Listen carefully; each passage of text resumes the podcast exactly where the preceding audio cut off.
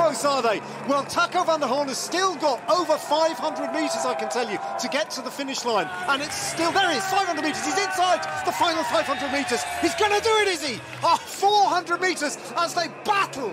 They battle against all the odds as Cassoni brings round Elia Viviani. Now they go through 500 metres. Viviani's going to have to sprint. Can he catch Taco van der Horn on the line? You're standing up, Matron. I look to see him. 200 metres, and now he dares to check Taco van der Horn. He's got 100 metres, if not more. The road rises up a little bit, and Taco van der Horn covers his mouth in disbelief. He's done it! Bravo, Taco van der Horn! That is fantastic bike riding. It's taco, taco time,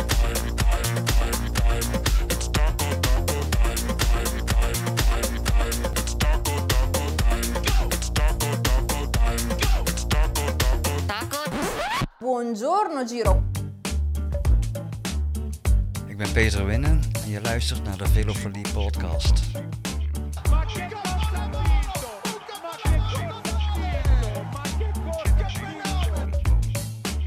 Ik ben José de Kouwer en je luistert naar de Velofilie podcast. De Velofilie Podcast. Lega questi luoghi, neanche questi fiori azzurri. De Velofilie Podcast is powered by In de Leidenstrui. De wielenwebsite voor het laatste nieuws, originele content en belangrijke informatie over alle wedstrijden. In de Leidenstrui. Fantastisch. Uit België, groeten José de Kouwer. Buongiorno amici di bicicletti. Welkom bij een nieuwe aflevering van de Giro Velofilie podcast. We gaan het vandaag hebben over drie, nou toch wel erg lekkere etappes moet ik eerlijk bekennen. We hebben het even in de terugblik over die geweldige, geweldige ontsnapping van Taco van der Hoorn. It's taco time, ladies and gentlemen. En wat gun ik het die gozer dat hij eh, zo'n mooie overwinning heeft geboekt. We gaan het nog even over de sprint van gisteren hebben. Tim Melier, knap, heel knap. En eh, uiteraard komt Dille Groenewegen daar even aan te pas in onze bespreking. Want er valt ook nog wel het een en ander over juridische achtergronden te bespreken. En we blikken nog even terug op de tijdrit. En dat doe ik uiteraard samen met mijn gewaardeerde amici Wesley. Goedenavond Wesley. Buonasera. Buonasera. En Jeroen. Welkom in de uitzending Jeroen. Buonasera. Buonasera, signorita, buonasera. Meteen André Hazes in mijn hoofd. Half, It- half Italiaanse cursus hier. Ja, nou, oké, hier was voor mij het einde van die cursus ook meteen hoor. ik, heb, ik heb wel Italiaans gehad tijdens mijn studie, maar eh, ik moet je bekennen, daar eh, was ik niet zo'n heel grote ster in. Dus eh wie weet, spijkeren we wel het een en ander bij de komende weken. Mannen, hebben jullie genoten van de eerste drie etappes in de Giro? Nou, niet, niet per se genoten, moet ik heel eerlijk zeggen. De, de tijdrit was, was leuk, maar niet, niet super bijzonder. Gisteren was gewoon, gewoon een eh, sprintrit. Maar vandaag maakt Taco van der Hoorn toch wel heel veel goed, moet ik zeggen. Nee, hij maakt alles goed, toch? En bovendien, Dit was, dit was die tijdrit was toch best verrassend?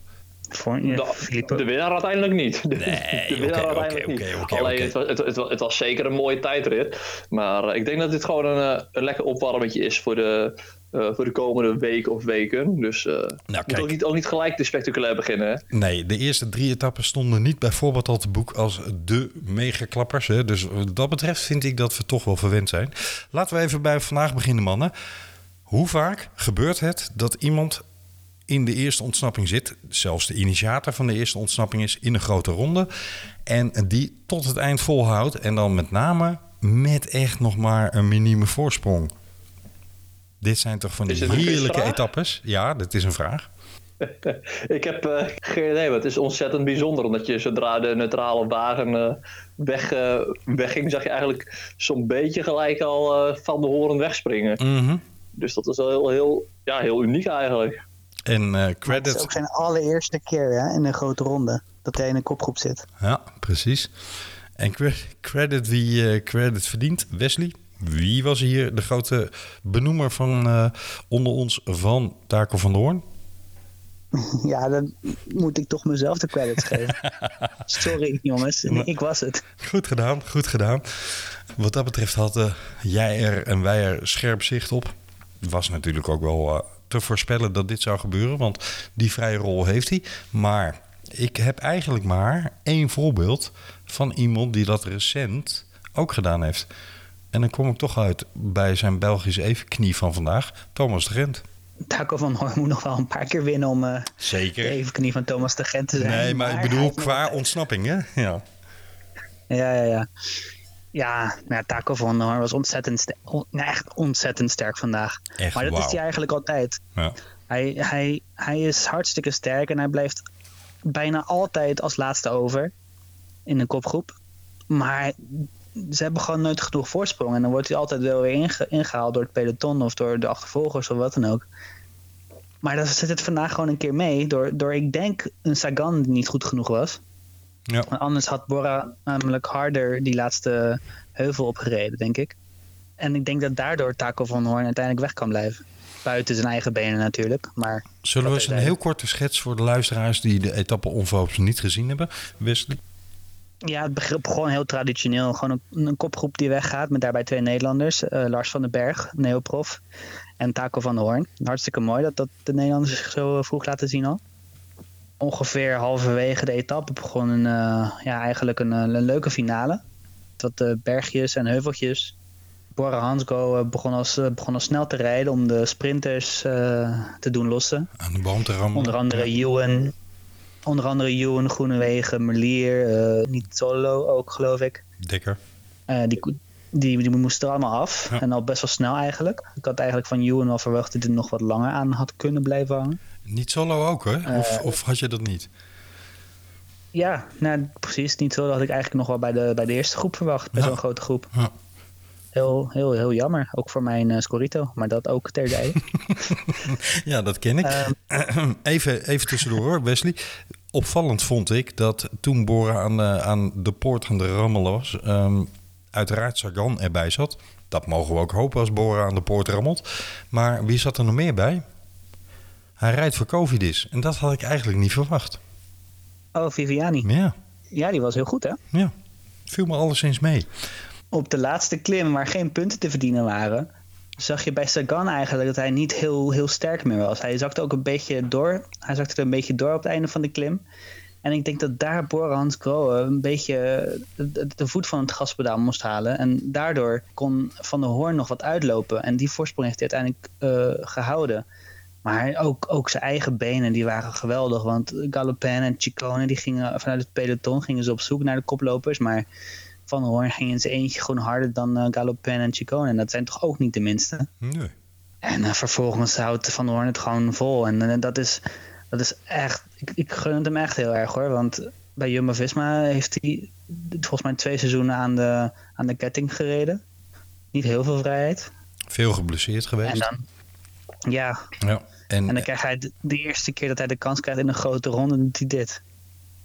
hij, Maar ik eh, vind het ook nog wel helemaal bijzonder, omdat hij, eh, hij heeft best wel lang op zijn contract bij, bij Wanty moeten, moeten wachten. Hij, eh, Ja. hij leek uiteindelijk eh, een beetje bij de, bij de lichtingrenners te zijn die tussen wal en schip viel. Een beetje zoals eh, Julien Vermoten, die uiteindelijk alsnog ook wel een contract kreeg. Alleen, er is gewoon een lichtingrenners geweest die echt buiten de boot leek te vallen. En daar hoorde Taco van der Hoorn ook bij. En dan, die dan een paar maanden later eh, debuteert in een grote ronde. En eigenlijk bij de eerste keer dat, dat hij eh, eh, de kans krijgt om in de vlucht te gaan, dan ook gelijk dit doet, dat is wel extra bijzonder. Absoluut. Beat Cycling had hem overigens opgepikt. Hè. Het was niet dat hij helemaal eh, contractloos was. Maar zo snel als ze hem hadden opgepikt, zo snel moesten ze hem, of wilden ze hem ook wel weer laten gaan. Omdat hij zich toch kon verbeteren. Ja, mooi. Mooi dat hij die kans gekregen heeft. Wesley en ik hebben het er eerder over gehad, weet je nog? Toen zei ik, ik hoop, was dat in Luik-Bastenaken, waar we het over hem hadden? Dat ik zei, ik hoop dat hij weer in de picture rijdt en een mooi, mooi eh, contract bij een grote ploeg kan krijgen. En toen zei jij, en achteraf geef ik je de volle credits daarvoor. Toen zei hij, laat hem maar lekker bij deze ploeg blijven. Want hier heeft hij die, eh, die vrijbuitersrol. Hier mag hij. Hij hoeft hier voor niemand te rijden, hoeft voor niemand zijn ballen af te draaien. Dus hij mag hier die rol eh, pakken. Nou, dat, dat verdient zich vandaag meteen terug. Geweldig. Zeker geweldig. Maar eigenlijk is het ook wel toch treurig aan de ene kant. Taco van der Hoorn is, blijkt gewoon een hele goede renner te zijn. En die heeft een ontzettende grote, grote motor. Hij houdt het ontzettend lang vol. Maar hij blinkt nergens heel erg in uit. Waardoor zo'n renner vaak heel erg ondergesneeuwd wordt. Ja. En Hij heeft geen dat is- wapen. Dat is, dat Nee. is, nee, hij, net zijn wapen is dat hij ja, misschien een groot uithoudingsvermogen heeft. Ja. En aardig een heuvel over kan. Maar ja, hij blinkt nergens in uit. En, en dat is toch ja, zonde. Want zo'n renner met zo'n motor, die zou toch misschien nog wel meer kunnen winnen. En dan lijkt het er ook wel een beetje op dat Jumbo-Visma met de, met de grote sprinttreinen, tenminste de grote sprinttrein rondom Groenewegen, dat ze misschien hebben een beetje in een soort van Iljo Keijsen-achtige eh, rol, Tim de Klerk-achtige achtige rol hebben willen zetten. Dat hij urenlang, want hij kan natuurlijk ontzettend goed één hard tempo rijden. En misschien dat ze hem op die manier inderdaad, zoals eh, Wesley al zegt, aan de ketting hebben gehouden. Terwijl dit gewoon een renner is die op het moment dat je hem dus wel bevrijdt, dat, dat deed hij ook al voordat hij naar Jumbo-Visma ging bij, uh, bij Roompot. Dan zie je gewoon dat het een, renner is die, je op, die, die zijn dagen kan uitkiezen en dan alsnog wel, wel kan winnen. Ik vergelijk hem wel eens met, um, met Jan-Willem van Schip, omdat hij ook een beetje datzelfde gevoel voor de ontsnapping heeft. En ook gewoon houdt van keihard op kop boren, om Jan-Willem zelf te citeren. Dat heeft Taco ook. Hè. Die, die schuwt het werk in zo'n, uh, in zo'n kopgroep in de ontsnapping zeker niet. Want ik heb vandaag toch wel een aantal momenten gedacht... moet je niet net wat minder je hoofd in de wind steken? Maar uiteindelijk bleek gewoon dat hij vandaag echt mega, mega, mega goed uh, op zijn fiets en in zijn vel zat. Um, maar het zijn natuurlijk ook wel weer de dagen dat. Hè. Het is niet dat ze dit kunstje honderd keer in een seizoen kunnen doen. Dus in dat opzicht snap ik de gedachtegang van een ploeg ook wel. Als je iemand hebt die uh, 25 overwinningen in een seizoen kan boeken... dan ben je geneigd die eerder te spelen dan zo iemand die je toch moet hebben van... een geweldige hoeveelheid inzet, ontzettende strijdlust... maar ook een aantal toevalsfactoren als... hoe hard rijdt zo'n peloton erachter... en wie zit er in de organisatie van die achtervolging neem niets van de glans af van zijn overwinning hoor. Want ik vond hem echt prachtig. En als je gewoon op de beelden in vertraging de hoofden ziet die hij trekt. Dan zie je dat hij ervoor gewerkt heeft. En uh, ja, ere wie ere toekomt. Dit was een prachtige, prachtige overwinning.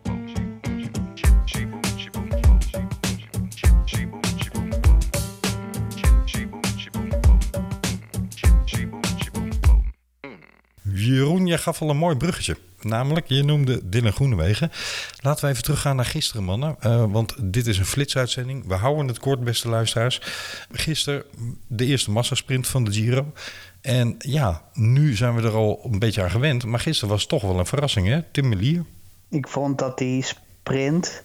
Het was echt een mooie sprint, hoor. Neem, neem, me, niet, neem, neem niet kwalijk. Maar die, die save van Gaviria dat was echt nog het allerknapste van die hele sprint. Ja, absoluut. Was, was hij van hem of van de boarding? of de nou zoals we in, in, België zeggen. Ik kreeg die credits aan Gaviria, hoor, want ik, ik ben bang dat ik op mijn pannenkoek had gelegen. Oh, zeker weten, ik ook.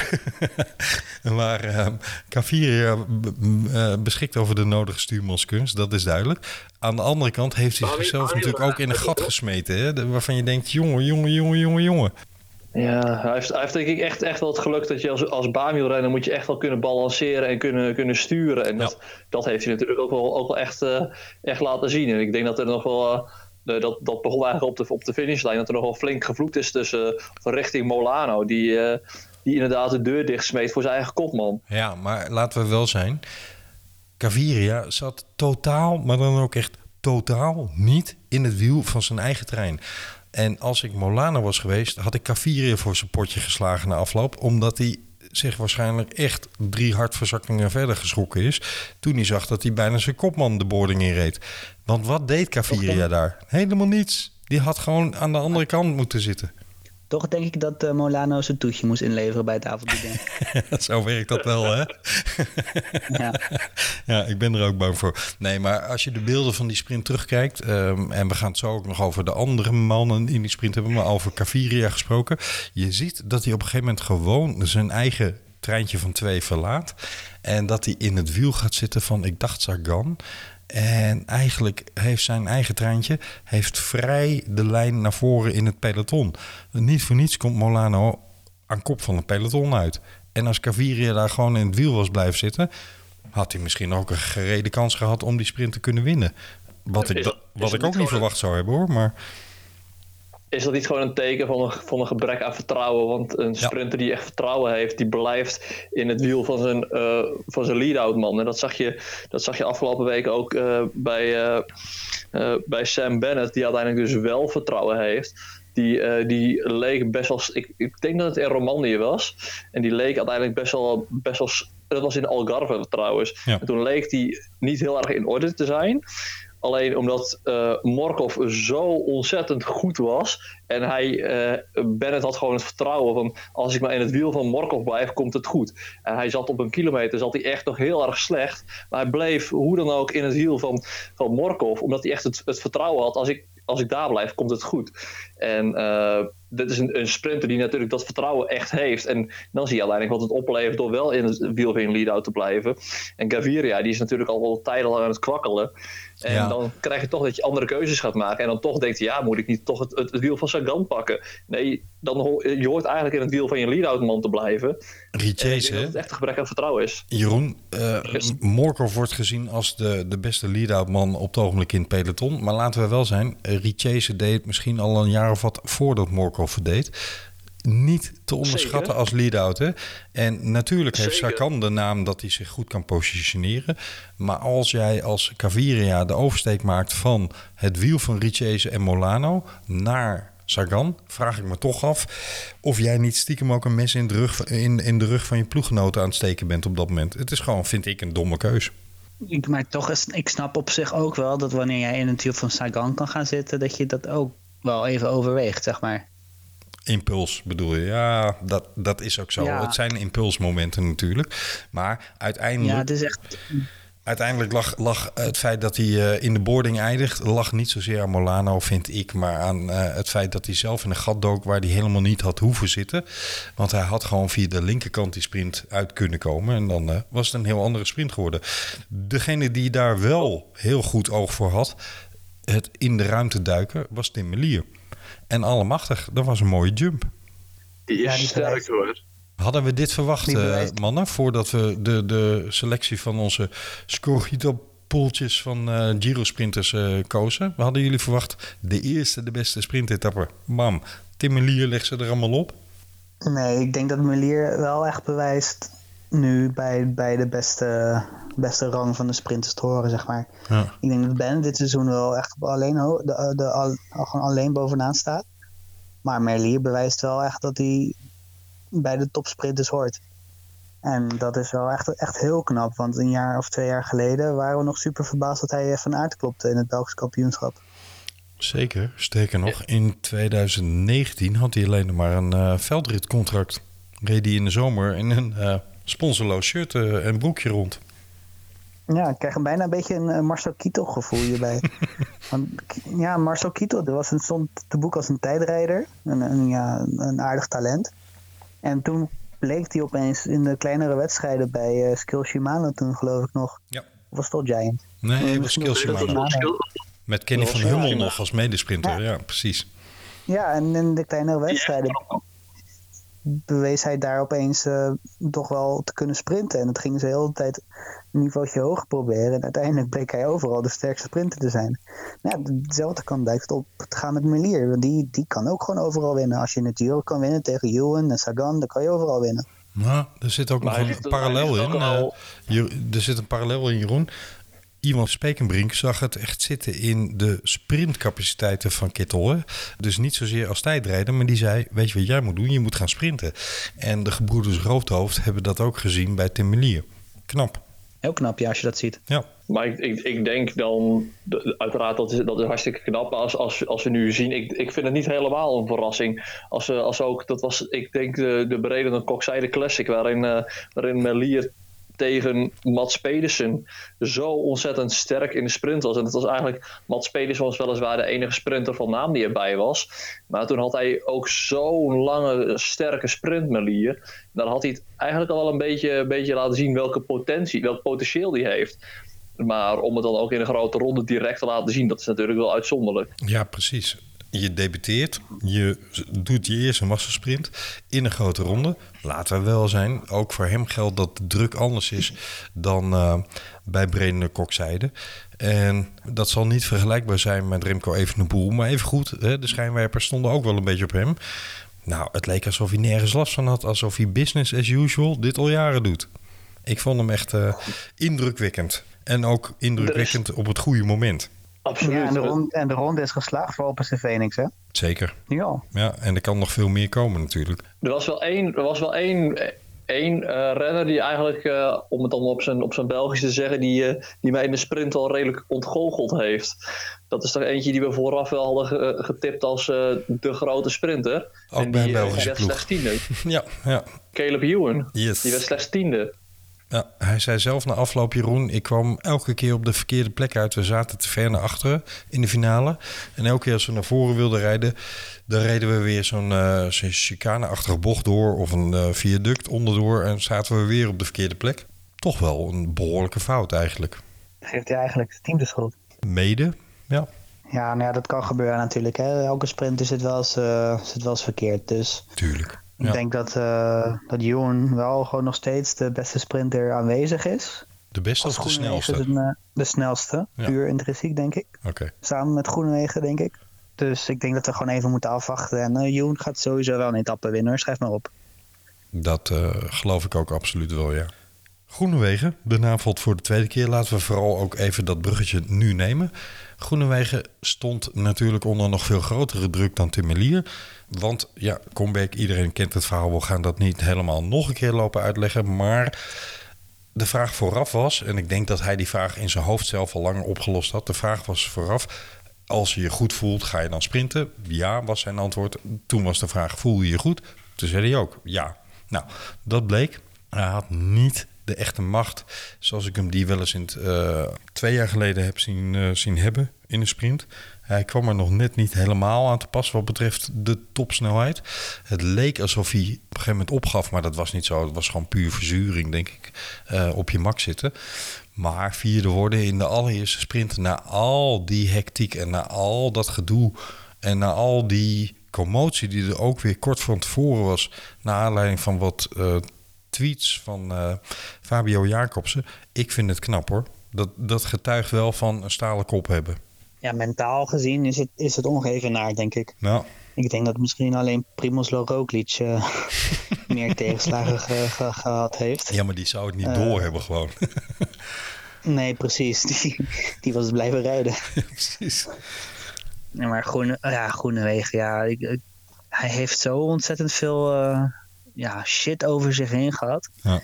En aan de ene kant begrijpelijk, aan de andere kant ook wel overdreven. Kreeg ik wel een beetje het gevoel alsof men blij was dat ze maar konden afgeven op Groenewegen.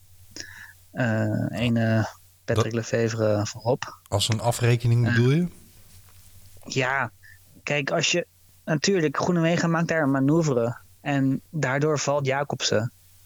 En dat is verschrikkelijk voor Jacobsen voorop. Maar het was niet alsof Groenewegen iets deed wat nog nooit gedaan is. En nog nooit heeft iemand negen maanden schorsing gekregen. En Groenewegen wel. Dus die heeft al veruit de hoogste tol moeten betalen. En dan mag het ook wel een keer klaar zijn, toch? Ik bedoel, ik snap dat Jacobsen een excuus wil hoor. Dus ik laat Jacobsen hier volledig buiten.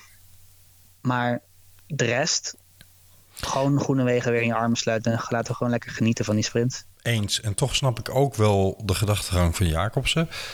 Ik heb makkelijk praten, want één, ik ben geen jurist. En twee, ik hoef me niet druk te maken over wat ik nu ga zeggen. Maar als ik Jacobsen was, zou ik met de onzekerheid over... kom ik nog terug op het niveau waarop ik ooit dacht te kunnen komen en al was...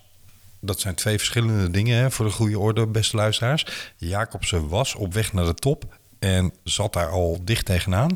Maar had ook natuurlijk nog perspectief om nog verder door te kunnen groeien. Nou, is allemaal de vraag of zich dat blijft eh, voortzetten. Of hij datzelfde traject nog kan afleggen na alles wat hij eh, heeft moeten verhapstukken wat betreft operaties en noem alles maar op. Ik kan me eigenlijk best voorstellen dat hij denkt... Kamp Groenewegen of Jumbo-Visma of hoe je het ook noemt... kom maar door met die... eh, met, schuif maar met dat geld naar mij toe. Eh, vergoed mij maar gewoon voor, eh, voor het eventueel al geleden, de al geleden schade. En ook geestelijke schade, maar ook voor de eventueel toekomstige schade. En ik denk dat hij dat ermee bedoelde met die tweetberichten van... eh, hij heeft nooit excuses gemaakt. Want Fabio weet natuurlijk ook wel dat Groenewegen in de media wel degelijk heeft gezegd... dit was uiteraard nooit mijn bedoeling en dit spijt me verschrikkelijk. Maar dat het om de juridische excuses gaat. En daar hangt natuurlijk een prijskaartje aan. We hebben dat Ja, het maar dan wordt het ook heel ingewikkeld natuurlijk. Omdat, eh, om, om- omdat je dus ook bijvoorbeeld, eh, je, kon het, je kon het zien in de, in de sprint met, eh, met Gaviria, hoe belangrijk de hekken zijn. En in, in Is ook Polen zo. is er uiteindelijk eh, Ja. is, er, is, is er zo ontzettend doodsmacht gewe- ge- geweest. En, en dat, dat evenement is notabene uitgeroepen tot sportevenement van het jaar in Polen. Ja. En eh, dat is natuurlijk een, een- ook een wereld van verschil. En die aansprakelijkheid, dat, het kan zomaar zijn dat het op, op Jumbo-Visma terechtkomt. Maar het zou ook heel goed kunnen dat, eh, dat de UC dat die, eh, dat die op de vingers getikt wordt voor het niet nemen van de verantwoordelijkheid. Of misschien ook de Ronde Maar moet, Polen. Die, moet je dat, sorry dat ik je onderbreek Jeroen, maar moet je dat vanuit kamp Jumbo-Visma en ehm Dylan willen afwachten? Ik, ik zou het op zich chic vinden als zij zeggen, luister, dit was never nooit opzet eh, in vragen. Ik heb jou nooit bewust de hek in willen rijden. Ik heb je zeker niet bewust zeer zwaar gewond willen, willen doen raken.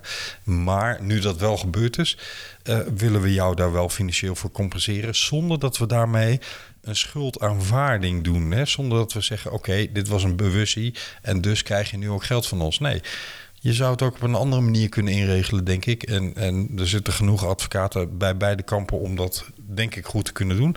Zou volgens mij alle onrust begraven en daarmee misschien eindelijk een, eh, een afsluiting van dat hoofdstuk zijn. En bovendien een afsluiting van het hoofdstuk dat Pat Lef ja, uitspraken doet waarvan ik denk, goh, mocht van de week nou Dylan Groenewegen ergens de hek ingereden worden, dan weet ik ook wel wie je daarop kan aankijken. Want wat een volksmenner is die man af en toe. Ja?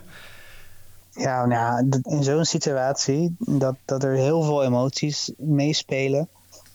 En als je dan reageert zoals Patrick Lefevre, dan, dan heb je denk ik uiteindelijk ook niet het, het idee dat je iets wil oplossen, Nee, denk ik. nee. Dan, dan wil je escaleren en dan wil je, dan wil je nog meer mensen uit elkaar halen in plaats van nader tot elkaar brengen, denk ik. Ja, en dat vind ik, dat ik vind het op, ik wel kwalijk. Ik vind het op de rand van eh, misschien wel ja, dusdanig hetzerig overkomen. Ja, hij spreekt wel dusdanig uit dat die persona non grata is in zijn ogen. Dat ja, ik vind dat bijna gevaarlijk worden.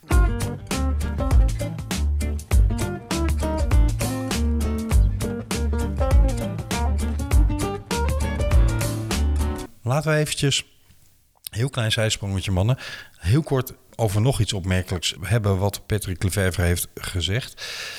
Bennett vertrekt bij de ploeg, dat is jullie vast niet ontgaan. Het gerucht, of misschien is het inmiddels al wel de zekerheid, is dat hij naar Borenhans uh, Grohe terugkeert. En volgens Patrick Lefevre lag dat aan het financiële plaatje op de achtergrond. En heeft de manager van uh, Bennett zich daar, nou hij heeft niet gezegd onbetamelijk, maar in ieder geval niet al te netjes opgesteld in zijn bewoordingen en in zijn onderhandelingstactieken enzovoort. Ik vind dat ook weer nieuws waarvan ik denk, mijn hemel, die man moet nog een uh, driekwart seizoen voor je gaan fietsen.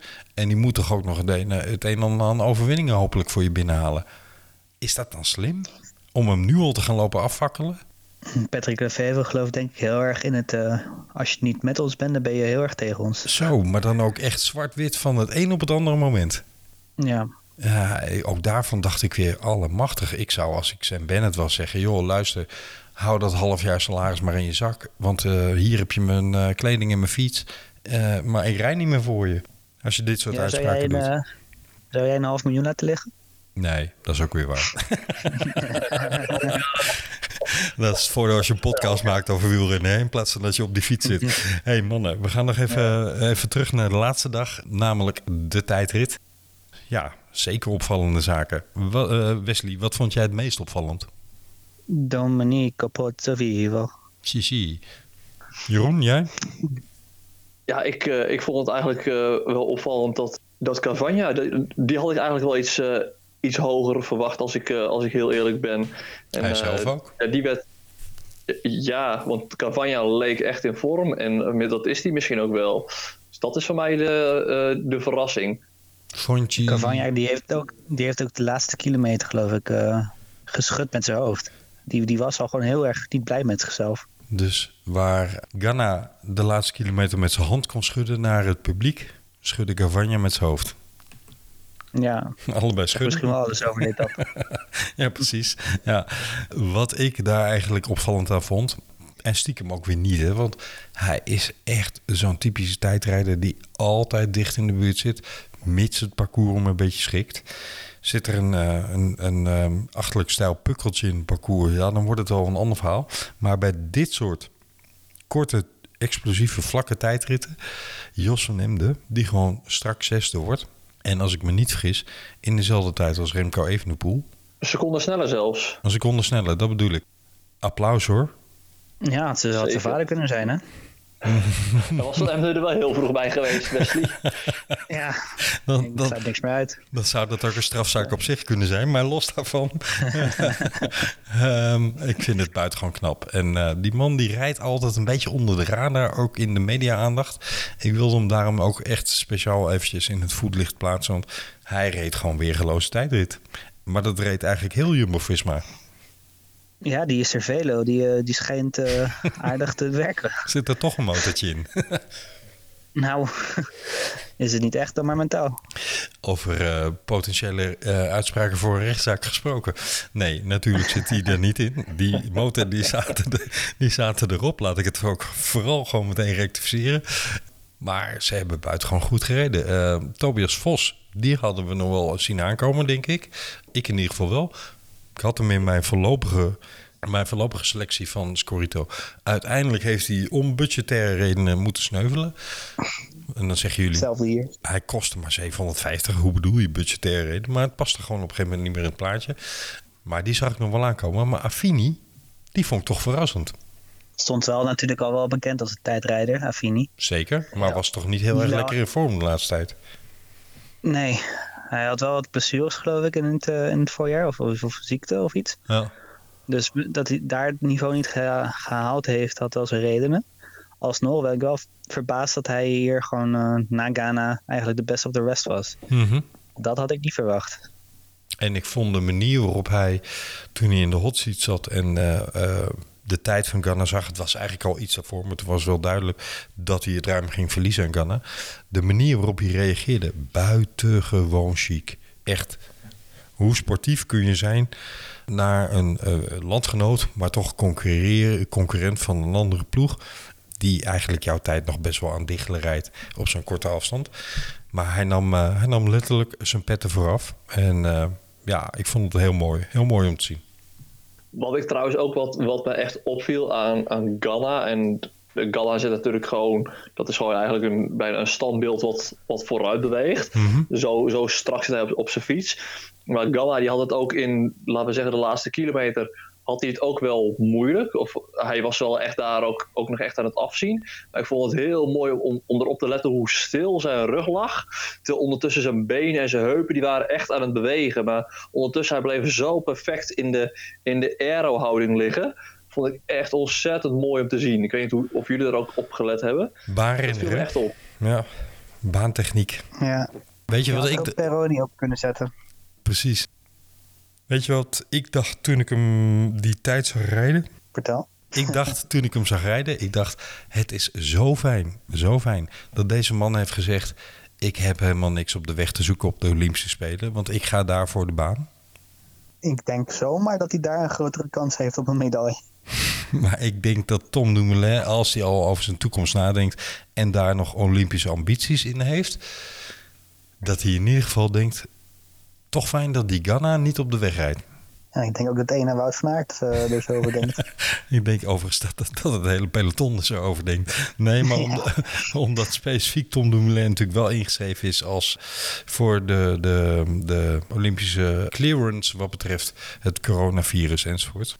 Ja, mocht dat nog aan de orde komen en zijn, dan denk ik dat het fijn is dat Ghana in ieder geval heeft gezegd: ik ga die tijdrit op de weg helemaal niet rijden, jongens. Ik eh, ben op de baan bezig. Dat is mijn prioriteit.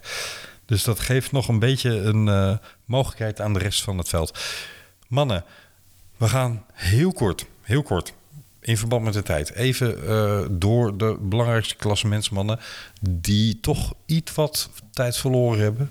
Of juist verrassend goed gepresteerd hebben. Wesley? De verrassing in de tijdrit, ja, dat zei ik net al. Domenico Pozzovivo, die, eh, die is na Vos, Almeida, Evenepoel en Vlasov was die de beste klassementrenner. Die klopt eh, Bilbao, die klopt Yates, die klopt Nibali, die klopt Bollema. Klopt iedereen? Dat, Ja. ja, ja, inderdaad. En dat is dat Pozzovivo stond toch niet bekend als een begenaagd tijdrijder. En die is top nou, 20 af en toe hè. Af en toe. Uitschieters. Maar, Ja, ja, maar dan is het dat wel met een, met een heuvel in het parcours of iets. precies. Waar die dan toch wel wat tijd... Ja, maar dit was een biljartvlakke pro proloog. Ja. Dat heb ik Pozzovivo nog nooit zo, nog nooit zo zien doen hoor. Hij versloeg eh Eh, Voor- helemaal omdat hij totaal niet bijvoorbeeld. is. Hij, hij beweegt alle kanten op op zijn, op zijn tijdritfiets ook. Ja. Dat maakt het misschien nog wel extra knap. Ja, een kaartenhuis zou je niet opzij willen zetten, zeg maar. Laten we dan ehm, van de positieve eh, opvaller naar de negatieve opvallers doorstomen. Het zegt nog helemaal niks, beste luisteraars. Hè? Want we komen er zo vieze heuveletappes aan. En zoveel te beklimmen calls in deze Giro. Dat die 10, 20, 30 seconden die in die openingstijdrit verloren zijn. Echt peanuts en kinderspiel zijn. Maar laten we toch even naar een paar namen kijken. Bardet viel tegen. En ik Ja. denk ook, eh, ook, ook Hindley. Hindley die zat ongeveer, eh, als ik het goed heb, op om en nabij de, het, hetzelfde, hetzelfde verlies als wat, wat hij in de, in de Giro-tijdrit had. Alleen de Giro-tijdrit, eh, tenminste van de verleden Giro natuurlijk, eh, Ja. waar hij, waar hij, waar hij de, het, het roze verspeelde op de slotdag. Daar, daar had hij volgens mij ook rond de, rond de halve minuut verloren. Alleen die tijdrit was gewoon een stuk langer dan, dan deze. Nu heeft hij op een, op een vrij korte tijdrit heeft hij ook al een halve minuut verloren. Dus Nou. misschien is het wel een teken aan de wand. Dat denk ik ook. Hoewel je in drie weken tijd natuurlijk ook nog wel nou ja, echt groeien in vorm. Dat is zonder eh, technische hulpmiddelen heel moeilijk. Maar eh, het kan wel zijn dat ze toch hebben gerekend op dat hij iets later in deze Giro in, in zijn beste vorm moet zijn. Dat zou nog kunnen. En laten we wel zijn, hij verloor vorig jaar natuurlijk op Gegenhard en nu op Ghana. Dat is nog wel een wereld van verschil wat betreft tijdrijden. Maar ik vond het ook geen positief teken aan de wand, eh, Jeroen. Ben ik helemaal met je eens. Landa, hmm, is geen... Mooie, geen mooie Mico. mooi. Mooie Mico, eh, zoals Jeroen van Belgium eh, hem graag benoemt. Ehm, ja, is geen geboren tijdrijder. Dat is een eufemisme. Maar ik vond deze toch, toch stiekem tegen, tegenvallen hoor. Een beetje een lijn der verwachting, toch? Kijk, Yates viel misschien iets tegen, maar dat vond ik ongeveer in de lijn der verwachting. Die verloor 25 seconden. Ehm, maar ik vind Landa 36 seconden op zo'n klein stukje. Hm, ik toch eh, niet meevallen, laat ik het zo zeggen. Maar waarschijnlijk heeft Landa een paar klimmen in de benen nodig om weer eh, echt lekker te gaan draaien. Dus ik hou mijn hoop op eh, het klassement voor hem hoog. Tot slot, mannen. Morgen, en dat is eigenlijk vandaag voor de meeste luisteraars, hè, dus eh, de vierde etappe in de Giro, staat in de Belgische media eigenlijk nu al te boek als de dag dat Remco Evenepoel voor het eerst het roze veroverde. En eh, voor sommigen eh, de dag dat hij vervolgens dat roze ook niet meer los ging laten in deze Giro. En wellicht wel de eerste in een hele rij overwinningen. Het is een hele interessante etappe morgen. Wat betreft het parcours, hoe kijken jullie naar vandaag, beste luisteraars, de vierde etappe? Ik denk dat het een hele interessante rit is. Ik denk niet dat Evenepoel de roze gaat pakken. Ik denk namelijk dat Tobias Vossen de roze gaat pakken. of, eh, of Almeida. Ik denk dat Almeida is explo- explosief genoeg om morgen te winnen. Ja. Het is een, het is een 4 kilometer aan, aan bijna 10% Dat is wel echt een stevige beklimming. En dan, dan de laatste 2 kilometer gaat een beetje valsplat. Omhoog zit een afdalingje in. Uh, dus het is wel echt een serieuze beklimming, explosief. Ik denk niet dat Evenepoel daar per se in uitblinkt. Dus uh, nou ja, onze Vlaamse vrienden moeten denk ik nog eventjes wachten. Ik kijk erg uit naar. Uh, ik ben benieuwd naar wat Vlasov gaat doen. Die lijkt ook prima in orde te zijn. En die staat ook maar op, op, op een 11 seconden van Tobias Vos. Nog een paar seconden minder van Remco Evenepoel. Dus ik, ik ben erg benieuwd wat Vlasov gaat doen morgen. Uh, vandaag bedoel ik. Ja, als we het opnemen is het morgen, nu dus. Maar als jullie dit horen is het zeer waarschijnlijk eh, gisteren dat wij opnamen. En dus vandaag dat die etappe er is. Zijn jullie nog? Ik ben de weg bijna kwijt. Laten we hopen dat de coureurs dat morgen niet hebben. En eh, dat het morgen, vandaag dus, de vierde etappe, een spectaculaire etappe mag zijn. De aanzet naar nog veel meer moois deze Giro. Wij gaan naar deze Giro regelmatig verslag over doen. En dat doen we in de vorm van Giro Flitsen. Korte uitzendingen. Dit was de eerste, maar niet de laatste. Wesley, Jeroen, grazie mille, signori. Prego. De niente, de niente. En eh, laten we hopen... ik door de mand als slecht, eh, slecht sprekend eh, Italiaans. Zeg maar gewoon... eh piacere. goedenavond. Goedenavond. Beste mensen, vergeet niet je te abonneren op Spotify of Apple Podcast, op Vele Podcast als je nou eh, geen uitzending van ons wil missen. Je kunt ons ook een steuntje in de rug geven door naar www.vriendvandeshow.nl slash velofilie, schuine streep te gaan en daar een donatie te doen. Met jullie donaties kunnen wij namelijk deze show blijven maken. En we zullen de eerstvolgende uitzending eens even een paar namen noemen van mensen die dat onlangs gedaan hebben. We hebben ook inmiddels een aantal mm, leuke reacties binnen op onze prijsvraag. Die loopt nog tot en met de eerste rustdag. Eh, onze vraag was: hoeveel Italiaanse ritoverwinningen gaan we in de eerste week van de Giro tot de, aan de eerste rustdag hebben? Dus hoeveel Italiaanse ritoverwinningen, niet hoeveel Italiaanse coureurs. Kunnen ook één coureur die meerdere etappes winnen zijn. Eh, hoeveel Italiaanse ritoverwinningen tot aan de eerste rustdag in de Giro. En je kunt dan het boek Altijd Koers, gesigneerd door de auteur Thijs van der Veld zelf winnen. Stuur je oplossing daarvoor naar veleveliepodcast.gmail.com. Die, deze prijsvraag loopt nog. We hebben er al leuke reacties op binnen. Blijf die vooral inzenden. Nou, mensen, dit was hem. Tot de volgende korte Giro-flits. Jeroen, Wesley, ciao ciao. Ciao, ciao.